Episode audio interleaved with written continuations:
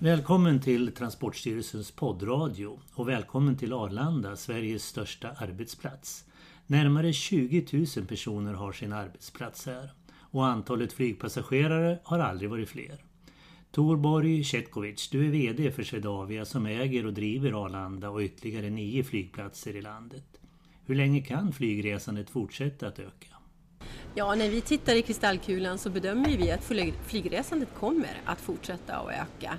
Eh, därför att det är många saker som driver det. Det ena är naturligtvis den ökade globaliseringen. Och vi har ett allt större behov av att mötas. Eh, det, och det ser vi ju både liksom effekter på i vår, vår exportnäring går bra och det driver ju mycket av resande. Vår besöksnäring blir ju allt mer och mer eh, lyckosam. Vi ser att det är ju faktiskt vår snabbast växande basnäring just nu i Sverige. Och sen också när vi tittar på ehm, det faktum att i Sverige idag så bor det ju över 2,5 miljoner människor i det här landet som är födda på en, i ett annat land. Det kan vara att jag själv är det eller en eller två av mina föräldrar. Men kan det här fortsätta så här att öka? Ja, Klarar ni det? Ja, alltså det är klart att det ställer ju krav på oss, på vår, vår infrastruktur och vi ligger ju i startgroparna nu för stora investeringar här på Stockholm Arlanda Airport. Vi har ju tidigare under åren investerat i både Kiruna och Luleå och Umeå och Göteborg Landvetter och, och för den delen också Terminal 2 på Arlanda. Men nu sätter vi fokuset på Terminal 5 på Arlanda men också på Bromma. Ja, vi sitter här på Sky City på mm. Arlanda. Just nu är det ganska lugnt för vi sitter mm. vid lunchtid. Men mm. när det är peak time, alltså morgon och kväll, då ja. är det betydligt livligare här. Ja. Kan ni klara en fortsatt ökning i den här takten som ni har?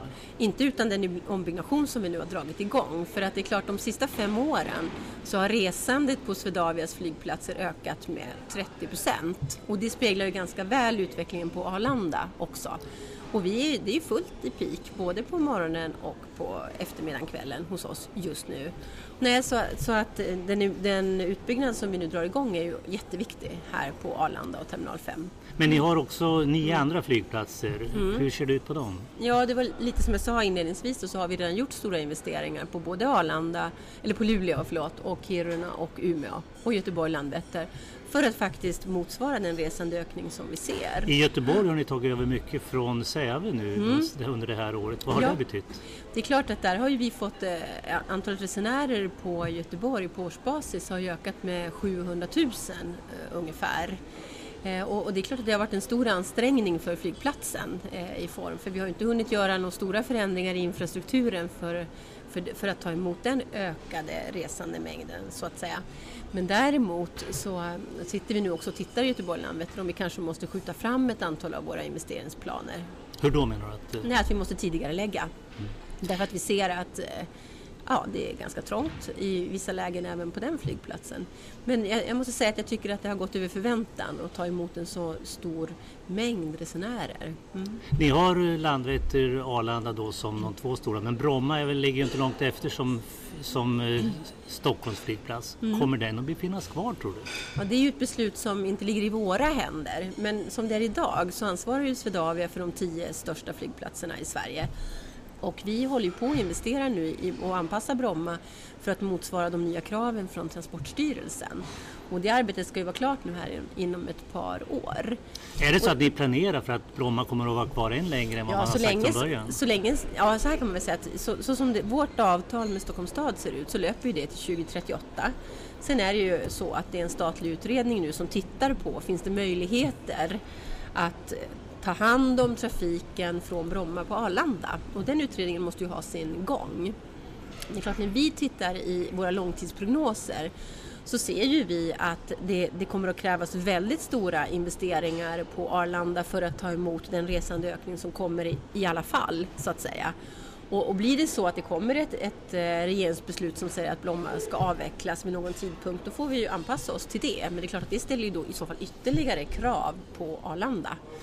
Om man tittar till flyget, den debatt som har mm. varit och kanske de framförallt här på Arlanda, det är ju mm. miljöfrågorna, mm. transporterna till och från flygplatsen. Mm. Hur klarar ni det i en ökning om mm. man nu fortsätter på det här sättet? Där, där, får man ju också titta, menar, vi är ju väldigt delaktiga kring alla våra flygplatser och framförallt de stora då, att titta på hur kan, hur kan, hur kan vi få bättre kollektivtrafiktransporter på marken till våra flygplatser. Och här på Arlanda är det ju ungefär 52 procent som åker till flygplatsen och på marken via något kollektivt färdmedel. Om man då väljer buss eller om man väljer pendeltåg eller eh, andra tåg. Det finns olika möjligheter. Och det är klart att de diskussioner som finns där man tittar på eh, eventuellt en förlängning av Roslagsbanan, det är en viktig del i det här för att liksom ta emot resandeökningen. Och sen också vad mer kan vi göra på spåren eh, till och från staden? Och där kan man ju konstatera att eh, vi tror ju absolut att det behövs ett fjärde spår mellan Stockholm och Uppsala. Därför att det är ju redan idag trångt på rälsen. Mm.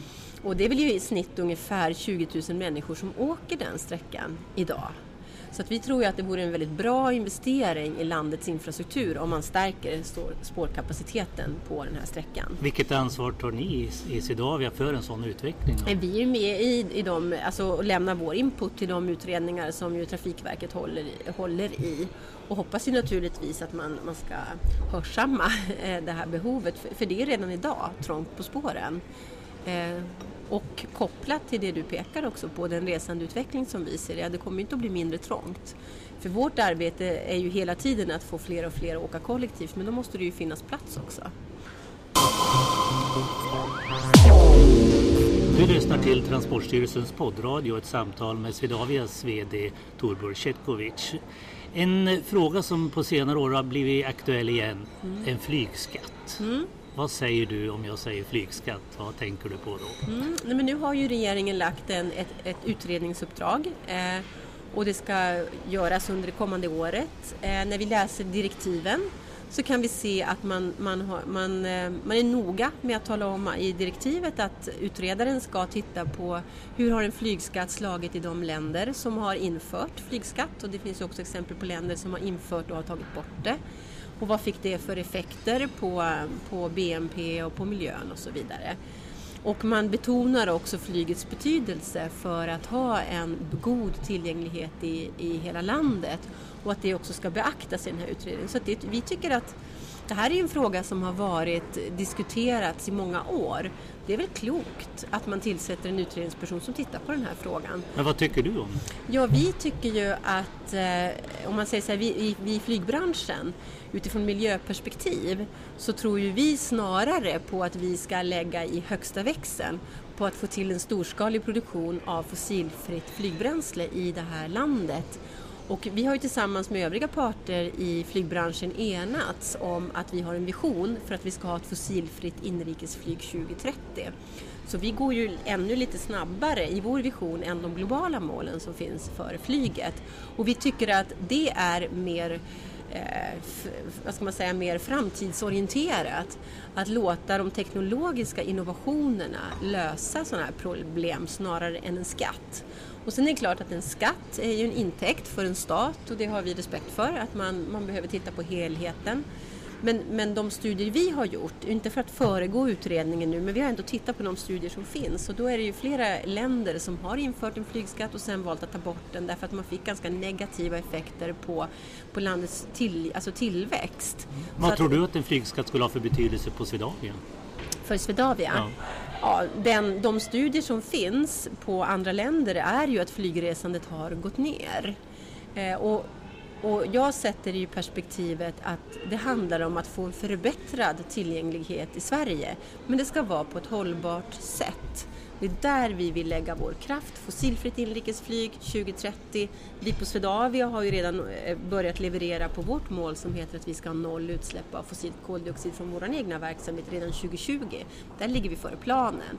Och så, som vi var inne på tidigare också det faktum att vi jobbar ju stenhårt tillsammans med andra parter för att få bättre markbundna kollektiv kollektiva transporter, inte minst till våra stora flygplatser, för att på så sätt ta hand om hela resan på ett bättre sätt. Och sen så tror jag också att vi i det här landet, vi har en liten hemläxa att göra som heter att verkligen alla parter måste jobba ännu mer strukturerat för att koppla ihop våra transportslag. Men har det någon mm. betydelse för flyget om man tittar till Sverige som land med långa mm. avstånd och glest befolkat? Eh, mm. Hur ser du på flygets roll där? Det är klart att i ett land som vårt, som är väldigt avlångt och glesbefolkat, så har ju flyget en väldigt stor betydelse. Men samtidigt minskar ju, eller rättare sagt inrikestrafiken ökar inte lika mycket som utrikes. Nej, men inrikestrafiken ökar och, och ligger på en bra nivå. Tror du att den ska ligga där den gör nu? Eh, jag tror att inrikestrafiken har en förutsättning att fortsätta att öka. Men för att det ska bli eh, hållbart så, så, måste vi få till de fossilfria flygbränslena tror jag på lång sikt. Det blir en viktig faktor. Och, och sen är det ju lite grann, om man tittar regionalpolitiskt, jag tror att vi alla eh, gillar devisen Hela landet ska leva. Och det blir väldigt långt från Kiruna till Stockholm om du inte kan flyga. Jag är själv från Norrbotten och kan det där med avstånd ganska bra. Eh, och, och, företaget i Kiruna ska ju kunna nå den globala marknaden med, på en rimlig tid. Eh, jag som bor i Kiruna, eh, om jag vill åka på semester någon annanstans än i fjällvärlden så ska jag kunna göra det på rimlig tid för det ligger ju också i en regions attraktionskraft. Vi ska kunna locka de bästa talangerna även till Kiruna. Jag fortsätter att använda det som ett bra exempel därför att det är väldigt långt norrut. Locka de bästa kompetenserna till de företagen som har sin verksamhet där. Så att jag är helt övertygad om att flyget har en, en viktig roll och att i den, i, i den globala världen så blir det ännu viktigare. Och kopplat inte bara att vi är ett avlångt land utan att vi ligger ju geografiskt en bra bit ifrån de snabbast växande marknaderna just nu som är ju snarare Indien och Kina än Europa när man tittar i, i, i tillväxttakt just nu. Du lyssnar till Transportstyrelsens poddradio, ett samtal med Torbjörn Cetkovic på Swedavia som är VD där. Och eh, Swedavias största flygplats Arlanda. Du har en vision om att Arlanda ska bli Skandinaviens största. Idag är det Köpenhamns flygplats som är mm. Hur ska ni nå dit? Jag tittar ju på, när vi satte den visionen så utgick ju vi ifrån den marknad som Stockholm Arlanda Airport befinner sig på. Vi ligger i, som ett centrum mellan Stockholm och Uppsala, vi har hela Mälardalsregionen och det är vår största internationella flygplats i Sverige vilket gör att väldigt många reser hit för att sedan resa ut i världen. Och när man då tittar på hur väl vi har lyckats med att attrahera direkt internationell trafik så hela 2000-talet så var vi ju inte tillräckligt vassa på det måste man säga utan vi tappade ju jämfört med andra huvudstadsflygplatser i vårt närområde, till exempel Köpenhamn. Eh, och där ser ju vi att, att, vi har den största marknaden, vi har de flesta antalen huvudkontoren här, vi har ett, eh, vad ska man säga, ett eftersatt behov. Eh, och vi har också den mest mångkulturella befolkningen i Norden så vi ser att marknadspotentialen finns där. Vilka är begränsningarna? Ja, begränsningen är ju att vi jag skulle säga det är väl egentligen i första hand att vi måste lyckas med de utvecklingsplaner som vi nu har börjat dra igång. Men då måste ni ha nya, nya operatörer dit, nya flygbolag också då eller? Absolut, eh, och vi jobbar ju jättenära våra befintliga flygbolagskunder men självklart eh, nya också för att, se, eh, för att försöka förmå fler, fler flygbolag att vilja etablera dels nya linjer men också fler frekvenser här. Och vi jobbar jättetajt med flygbolagen också för att göra allt vi kan för att det ska bli lyckosamma satsningar, det som man gör i vår, i vår marknad. Men om du tänker så här att sedan 2013 så har vi eh, lyckats etablera med hjälp av våra flygbolagskunder 13 nya interkontinentala eh, linjer till Arlanda och, och de går bra. Ja, om vi tittar ut här mm. över plattan så ja. ser vi ju framförallt SAS, men ja. Norwegian mm. också. Och mm. Eh, SAS har väl alltid varit den viktigaste det viktigaste flygbolaget. Är det det fortfarande? Det är fortfarande vår största flygbolagskund. Det är helt korrekt. Eh, och det är klart att det, det är roligt. Eh, alla flygbolag som investerar i vår marknad är vi väldigt tacksamma till. Men det är klart att när vår största flygbolagskund väljer att etablera eh, en ny Asiendestination eh, i Norden så att säga och man väljer Arlanda och då pratar jag om eh, linjen mellan Arlanda och Hongkong. Men är inte det rätt naturligt ur geografisk synpunkt att man flyger härifrån? Ja fast tidigare har man ju flyg, mm. flygit Asien mm. från andra storflygplatser ja. så att vi är väldigt glada att det nu har skett mm. och allt vad vi kan se så har det kommit igång bra. Mm. Men det är också viktigt att vår marknad förstår och alla vi som reser att det är en väldigt stor investering som våra flygbolagskunder gör i nya linjer. Och just när det gäller direkta interkontinentala destinationer så, så är det ju extra stora investeringar, en stor risk som man tar. Och, och vi behöver nog tänka till. Tycker vi det är viktigt att kunna resa direkt, då kan man ibland få vara beredd att betala en premium för det. Men, men, vi kan ju tycka att utifrån ett hållbarhetsperspektiv, du vinner ganska mycket tid som resenär om du slipper mellanlanda. Det här är ju någonting som lågkostnadsbolagen gick ut med rätt mm. tidigt att flyga direkt. Inga mm. mellanlandningar och mm. inga, inga ombyten så att säga. Va? Nej. Är det någonting som de här andra bolagen nu tar efter tror du? Är det det vi, som gör vi det? ser ju att point to point, to point, to point resande som vi, som vi kallar det i branschen, att det växer. Vi ser ju det.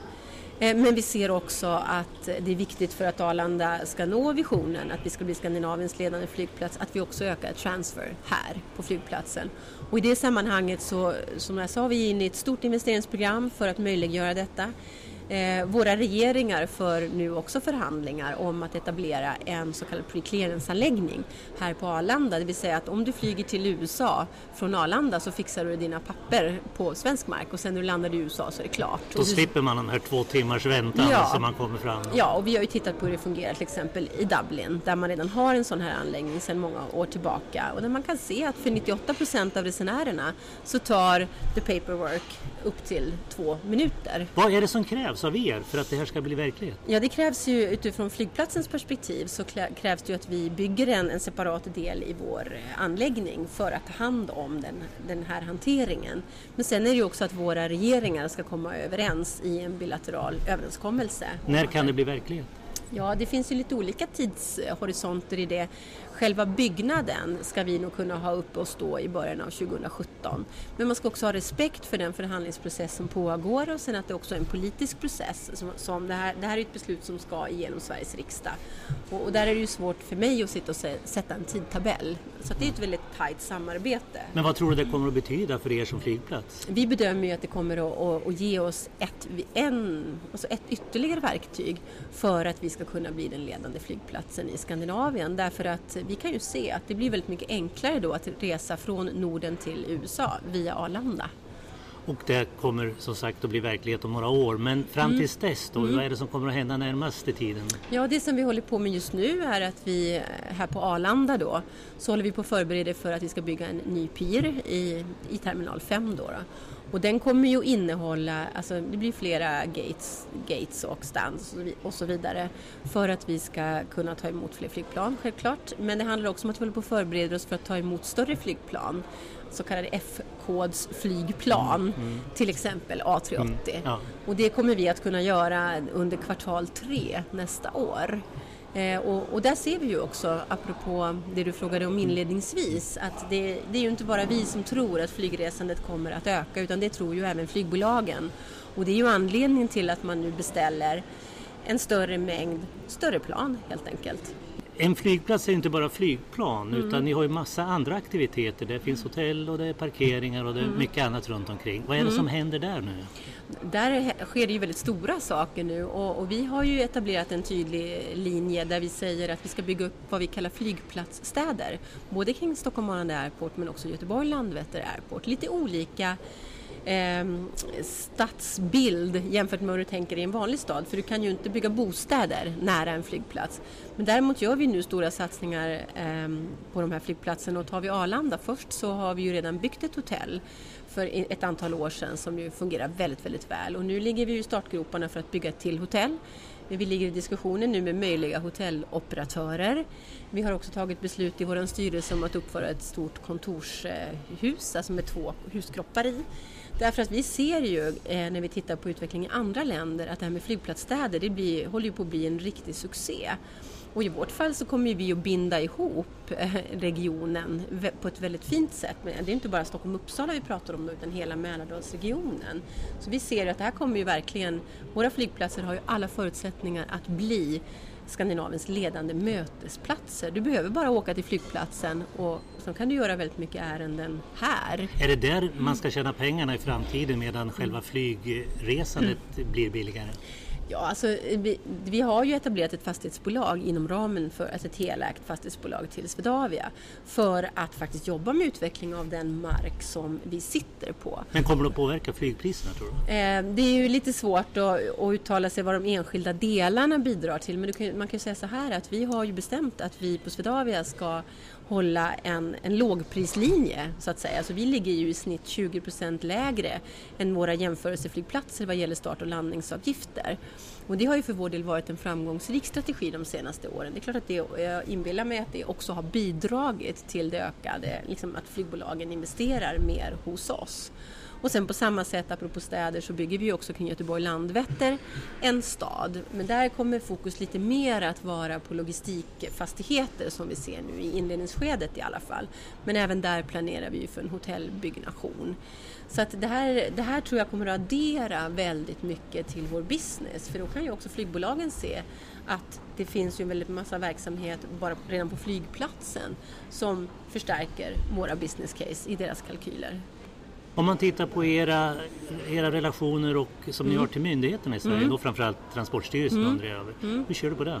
Jag tycker att vi har ett väldigt gott samarbete med Transportstyrelsen och det är en väldigt viktig, en väldigt viktig par, samarbetspartner till oss. Sen har ju Transportstyrelsen naturligtvis också en övervakande roll mm. av det vi gör så det finns ju på två, mm. två ledder som vi, som vi jobbar med varann. Men jag upplever att det är en väldigt professionell myndighet som eh, som hjälper oss i att utveckla vår verksamhet. Du har lyssnat till Transportstyrelsens poddradio, ett samtal med Tor Cetkovic som är VD på Swedavia. Och har du synpunkter på innehållet så är det bara du mejlar till kontakt transportstyrelsen.se och jag heter Anders Långgren. Hej då!